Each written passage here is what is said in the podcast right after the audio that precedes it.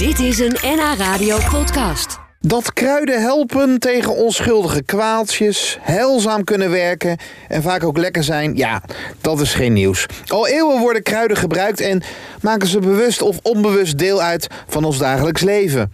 Zeker in tijden van corona lijkt er een enorme vraag te zijn naar geneeskrachtige kruiden. Ja, Trudy van Diepen uit Oosterblokker is de kruidenvrouw van Nederland. Ik zocht daarop en samen namen we het kruid door wat ongelooflijk belangrijk is en was voor heden en verleden. Dit is de moeder der kruiden.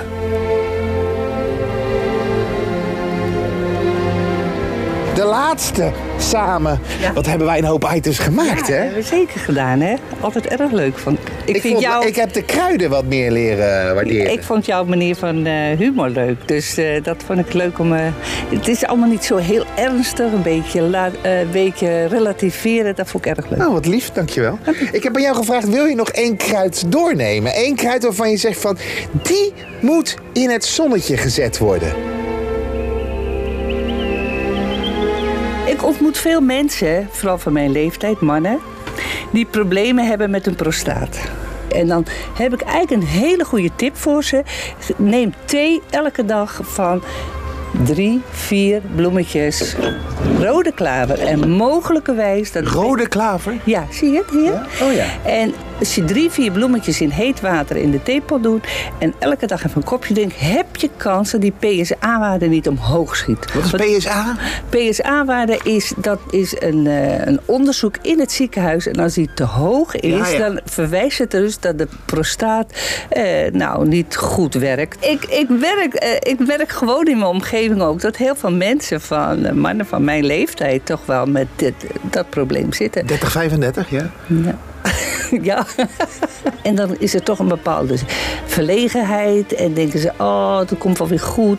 En dan denk je, nou, als je dat mogelijkerwijs, eh, die PSA-waarde naar beneden kan De houden. rode klaver dus. Ja. Thee van trekken? Ja, maar dan niet één keer een kopje de- nemen en denken van nou is de klus geklaard en nou is alles goed. Dan moet je even goed in je systeem doen.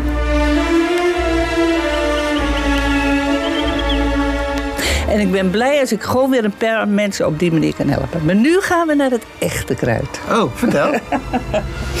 Goed, en die ga ik voorlezen. En nu een kruid wat heel belangrijk is in deze dagen. Het werd vroeger de dokter van de armen genoemd. Had je het kruid in de tuin, dan kwam de dokter minder bij je op bezoek. Het kruid zorgde voor het huis, gezin, dat er minder griep en virussen waren. In Zeeland, en nou zijn de Zeeuwen over het algemeen hele nuchtere mensen, had helemaal respect voor dit kruid. Want ze deden de hoed af voor het kruid als ze er langs liepen. Dit kruid maakt het immuunsysteem sterk. Dit kruid heet de vlier. En nu bloeit de boom. Zwarte besjes zijn in de boom en die kunnen we plukken. Pluk nu zoveel mogelijk vlierbesjes. Neem een tas mee en pluk die vol. Maak er jam van of sap.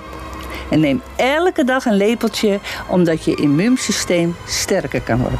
Dus ik, ik raad iedereen aan, maak, maak jam en gelei van vlierbessen en geef het aan je ouders een potje. Want dan kunnen ze lekker de winter door en eh, ze worden weer, hun immuunsysteem wordt wat sterker. Dus dat is gewoon, dat Ja. gun ik Ja. aan de slag. Of je kan het ook gewoon in een goede zaak kopen voor zelf. Dat is gezellig, Trudy. Ja, dank je.